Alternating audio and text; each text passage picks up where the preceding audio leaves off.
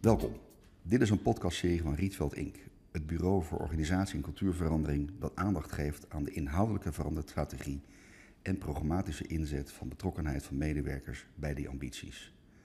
De Rietveld Inc. Formula for Change houdt rekening met een gedegen cultuuronderzoek, werkt datagedreven in overzichtelijke sprints en zorgt vanuit haar in-huis communicatie-expertise bij bureau Rietveld voor een krachtig veranderverhaal. Luisteraars, welkom bij de derde podcast in de serie van Rietveld Inc. over datagedreven werken en de kracht van netwerkanalyse. Vandaag zit ik in de studio met Loes de Boer. Vorige aflevering hebben we gesproken over de kracht van netwerkanalyse bij veranderprocessen en veranderprojecten. En vandaag willen we inzoomen op een meer actueel thema, hybride werken.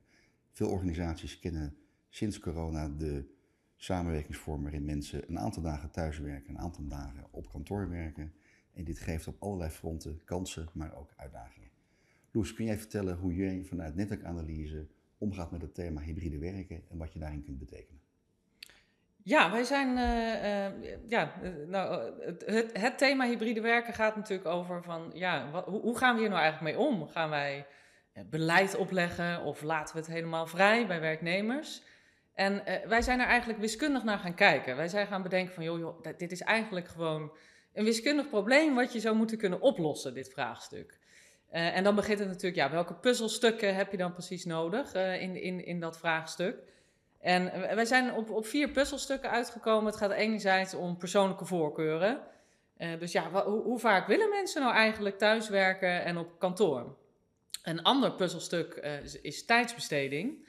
en dat gaat over het feit dat verschillende functies houden verschillende taken en verantwoordelijkheden in. Ja. Een, uh, ja, een, een, mooi voorbeeld vind ik altijd, ja, een, een, developer van GitHub bijvoorbeeld, of op, op GitHub of, of remote. Ja, dat, dat zijn typisch uh, mensen die heel graag thuiswerken trouwens. Hè, de, en, en, dan bedoel ik gemiddeld vaak thuiswerken. Ik wil niet iedereen over één kam scheren. Uh, maar dat, dat, dat, is natuurlijk een hele typische activiteit die je doet, namelijk programmeren. Ja. Nou, en dan heb je een HR-medewerker. die voert natuurlijk totaal andere acten. Dat is veel multidisciplinairder. Uh, dat is veel meer mensgericht. Dus dat maakt natuurlijk nogal wat uit dan voor, voor de ideale balans eh, tussen thuiswerken en op kantoor. Dan heb je ook zoiets als tijdsbesteding en, en ruimtes. Dus ook, het is ook weer voor iedereen verschillend. Van als je dan iets doet, doe je dat dan het liefste thuis of op kantoor? Mm Daar zitten grote verschillen in. Uh, vaak worden aannames gedaan van jongeren komen graag naar kantoor. Uh, maar dat is natuurlijk ook lang niet altijd zo. Dat maakt ook zo'n datagedreven aanpak zo ontzettend interessant. En dan heb je het derde element, het derde puzzelstuk, en dat zijn werkrelaties. Um, dat is natuurlijk bij uitstek, uh, we hebben het over verbondenheid binnen een organisatie, om die te behouden. Ja. De verbondenheid met elkaar, maar ook met de doelen van de organisatie natuurlijk. Uh, en dan spelen die werkrelaties een ontzettend belangrijke rol. Van wie ben jij afhankelijk om je werk goed te kunnen doen? Ja. En met wie wil jij graag kennis delen en ja. brainstormen? Dat is natuurlijk bij uitstek voor, voor die jongeren uh, wel belangrijk. Van joh, je, je komt binnen, maar je moet nog leren. Alles eigenlijk. Ja. En dat is heel moeilijk thuis vanuit, je eigen, uh, vanuit je eigen kamer. Kan. Heel herkenbaar. maar dat, dat, dus die werkrelaties is ook een, een, een belangrijk puzzelstuk. En het laatste puzzelstuk uh, wat we hebben meegenomen in, uh, in het uh, ja, wiskundig oplossen van dit vraagstuk mm. zijn de persoonlijke motivaties. Ja. en dat is het waarom wil jij eigenlijk graag thuiswerken of op kantoor werken? Mm. want als jij als organisatie bijvoorbeeld wil toewerken naar een bepaalde. ja, jij hebt dat laatst een keertje een ideaalcomplex, ja. toch? Of, ja, ik vond het een, een prachtig woord. Uh, maar het past helemaal bij wat wij doen, want wij gaan letterlijk deze puzzelstukken optimaliseren. Dus ja. wij proberen uh, zo goed mogelijk invulling te geven aan die persoonlijke voorkeuren, zo goed mogelijk invulling te geven aan die tijdsbestedingen, waar nou eenmaal gewoon meer efficiëntere werkvormen thuis of op kantoor voor zijn, en die werkrelaties. En dat laatste puzzelstuk is, het, uh, ja, is dan inderdaad het laatste stukje van het puzzelstukje, want als jij dan uh, mensen toch net even wat vaker naar kantoor wilt, uh, wilt krijgen, bijvoorbeeld. Bijvoorbeeld omdat uh, iemand, een jongere, wil dat gewoon wat leren. En die wil leren van Piet en ja. Tamara. Ja, ja dan, dan wil je graag dat die samen op kantoor komen. En als jij daar sturen, op wil sturen, dan is het heel belangrijk om te weten, ja, waarom zit iemand dan graag thuis? En, en wat zijn dan de knoppen waar ik aan kan draaien om mensen wat vaker naar kantoor te laten komen? Of juist andersom, hè? want ik zeg nu, je wil mensen naar kantoor laten komen, maar misschien heb je zoiets van, joh, blijf alsjeblieft eens, uh, eens wat vaker thuis. dat kan ook. Ja. Uh, maar dat, uh, ja, dat, dat is in ieder geval hoe wij, hoe wij naar het vraagstuk zijn gaan kijken. Oké, en ik begrijp, wiskundig kun je dat, zeggen, die wensen inventariseren en er komt een soort rooster uit van hè, wanneer er kerntijden zijn dat er mensen aanwezig zijn, mensen uh, op afstand uh, kunnen werken. Um, betekent dat ook dat mensen in die voorkeuren ook vrij stabiel zijn of verandert dat ook gedurende uh, zo'n zo manier van werken? Dat, dat is een goede vraag. Ik denk dat wij in onze, in onze analyse wel een bepaalde mate van stabiliteit veronderstellen. Um, maar nou is het natuurlijk wel zo dat, wij, uh, dat, deze, dat je deze analyse kunt herhalen. Ja. Um, dus zeker als wij, uh, ja, we zijn nu, uh, ik had het al verteld in de vorige aflevering, dat wij een webapplicatie ja. hebben gemaakt. en vanuit die webapplicatie wordt het heel eenvoudig om jouw tijdsbesteding en dus ook bijvoorbeeld het werken in bepaalde teams en projecten aan te passen. Ja. dus als jouw teamsamenstelling en jouw projectteamsamenstelling verandert, dan kun je dat meenemen en kunnen we opnieuw optimaliseren. Ja ik kan me zo voorstellen dat inderdaad dat je regelmatig moet sonderen of dit inderdaad de ideale manier is. Ja. En, en mensen dus daar feedback om vragen om te kijken of je steeds moet ja, bijschaven en uh, toch andere manieren eventueel inrichten. Want ik kan me zo voorstellen dat je denkt dat je iets graag wil, maar uiteindelijk misschien dat het uh, toch vanuit nou ja, de samenhang of samenwerking uh, of heel kansrijk blijkt of moeilijker blijkt dan je misschien in je eigen gedachten had hoe het zou werken. Ja. En dan moet je daar natuurlijk weer op acteren. Ja, het is natuurlijk enorm dynamisch, dat samenwerken. Heel, ik denk dat het heel dynamisch is. En ja. deels van de opdracht afhangt, maar deels... Ik denk dat veel mensen grosso modo uh, gemiddeld genomen wel een, een bepaald takenpakket hebben wat een bepaalde repetitie in zich kent. Ja. Maar dan nog denk ik dat nou ja, de wijze waarop je dat samen invult wel aan, aan nou ja, aan ervaring onderhevig is wat nou de ideale samenstelling daarvan is. Zeker, ja, ja we, proberen, we proberen op beide in te haken. dus enerzijds wel die basis te bieden vanuit, uh, ja, van, vanuit dat gemiddelde, zeg maar. Uh, maar ook zo uh, flexibel te zijn dat we gewoon invulling kunnen geven aan veranderende werkpatronen. Ja. dat is dan juist precies wat we weer opnieuw meten en opnieuw kunnen laten zien. Ja. We hebben vanuit Rietveld Inc. een paar jaar geleden toen corona net, start, net begon, uh, een, een, andere podcastserie gemaakt onder de titel En ze werkt nog lang en gelukkig. Ja. En toen hebben we heel erg juist gekeken naar hoe mensen dus omgingen met het nou ja, geforceerd thuis moeten werken, omdat we allemaal niet naar kantoor mochten. En ik had daar wel een paar hele bijzondere inzichten uiteindelijk door, die ik voor mezelf nooit zo goed had beseft, dat heel veel mensen eigenlijk veel introverter zijn dan ze zelf denken. En dus heel graag dat thuiswerken als ideaal zien, als zijn manier van laat mij maar om half acht starten, dan begin ik gewoon met nou ja, alles doen met, met administratie of met orderverwerking of met de eerste dingen vanuit customer service geregeld moeten worden. Die kan ik prima ook thuis vanaf het scherm regelen. En daarna kom ik wel in die teamsessies en ga ik mijn zaken organiseren. Ja. Um, en ik relateer maar even naar mezelf. Ik ben een enorm extrovert iemand. Ik heb heel erg behoefte aan juist aan mensen om me heen en ook die makkelijke, hele snelle interactie. Maar er zijn veel meer mensen dan ik dacht die juist vanuit een meer introverte cultuur of houding. Uh, het eigenlijk super vonden om op die manier te werken. En het was voor mij echt wel een eye-opener dat mensen dus in die zin hè, heel vaak naar kantoor gingen, terwijl ze dat helemaal niet fijn vonden. Ja. Uh, maar het hoorde nou eenmaal zo. We deden het al honderd jaar op die manier, dus waarom zou het anders zijn? En dat er dus juist een enorme kracht zit in juist ja, die ruimte bieden om het uh, beter en flexibeler in te richten. Ja, dat geeft natuurlijk ontzettend veel inzicht. Een, een, mooi voorbeeld vind ik ook altijd een, goede, eh, een goede werk-privé-balans. Ja. ja, dat is voor de ene een hele goede reden om thuis te werken, maar voor de ander een hele goede reden om naar kantoor te komen. Maar als jij het niet vraagt aan, aan je mensen, ja. Uh, ja, dan, dan weet je dat niet. Nee. Uh, en en dat, is, uh, ja, dat is wel echt een, een grote kracht. Het is het, eigenlijk een hele simpele vraag natuurlijk. Ja. Maar ja, ja, ja. En, en vertel eens even, die organisaties die daar nu gebruik van maken van deze tooling. Ja. Wat, wat zien zij daar voor effecten op op de organisatie? Nou, zij, ze, waar we het nu vooral voor gebruiken is, of nou eigenlijk verschillende toepassingen. Enerzijds echt vanuit het beleidsaspect. Mm uh, dus geeft het echt uh, handvatten voor beleid. Mm -hmm. uh, van van wat, wat, wat betekent het voor mijn organisatie? En dat onderbouwen dan ook data gedreven. Van als ik bijvoorbeeld zeg, nou ik wil dat jullie minimaal twee dagen op kantoor komen. Ja. Nou, hoeveel procent van de mensen strijk je dan eigenlijk een klein beetje tegen de haren in. Ja. Dat is dan heel handig om te weten. Ja. Ehm, dus dat, dat geeft echt een ondersteuning van, van het opstellen van beleid. Ja. Ehm, en een ander aspect is eigenlijk ook het faciliteren. En dat is omdat wij uh, ja, dus eigenlijk een beetje ontstaan als een bijproduct, maar het is nu wel echt een beetje een hoofdproduct geworden, wat ook uh, voortkomt uh, uit onze analyse. Dat als ik weet hoeveel mensen er op kantoor komen om wat te doen en hoeveel tijd ze waaraan besteden en, en, en hoe ze dat het liefst doen, in wat voor kamer, ja, dan kan ik voor jou uittekenen van nou, ik denk dat jij ongeveer zoveel ruimtes daarvan nodig hebt, zoveel ruimtes daarvan. Ja. Uh, en een, uh, bijvoorbeeld een leuke sociale ruimte, hartstikke leuk, maar het wordt twee uur per week gebruikt. Ja. Dus dan kun je het maar beter modulair of, uh, of kunnen afbouwen, want het is een beetje zonde van je ruimte. Nou, Ja. dat, Ja.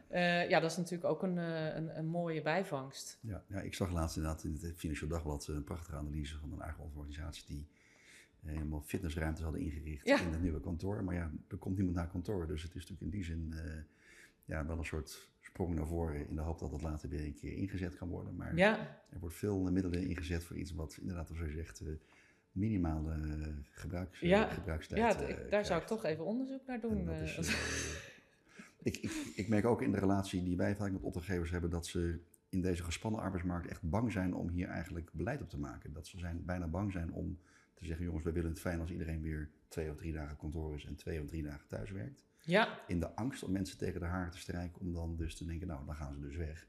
Als we het dus niet vrijblijvend laten, maar er beleid van maken. Herken je dat? Nou, dat is, eh, dat is eh, een een prachtige conclusie. Het is net een heel mooi onderzoek van Gallup is er, eh, is, is er uit. En, en daar komt eigenlijk naar voren dat er gewoon geen consensus is over het onder werknemers wat nou eigenlijk het juiste beleid zou moeten zijn. En dat is precies wat wij ook terugkrijgen uit onze onderzoeken. Want ja, in, in essentie, ja, wij, doen dan exact dezelfde o- vragen en onderzoeken als nu uit dat Gallup-rapport komt. Dus een mooie bevestiging van wat wij zien.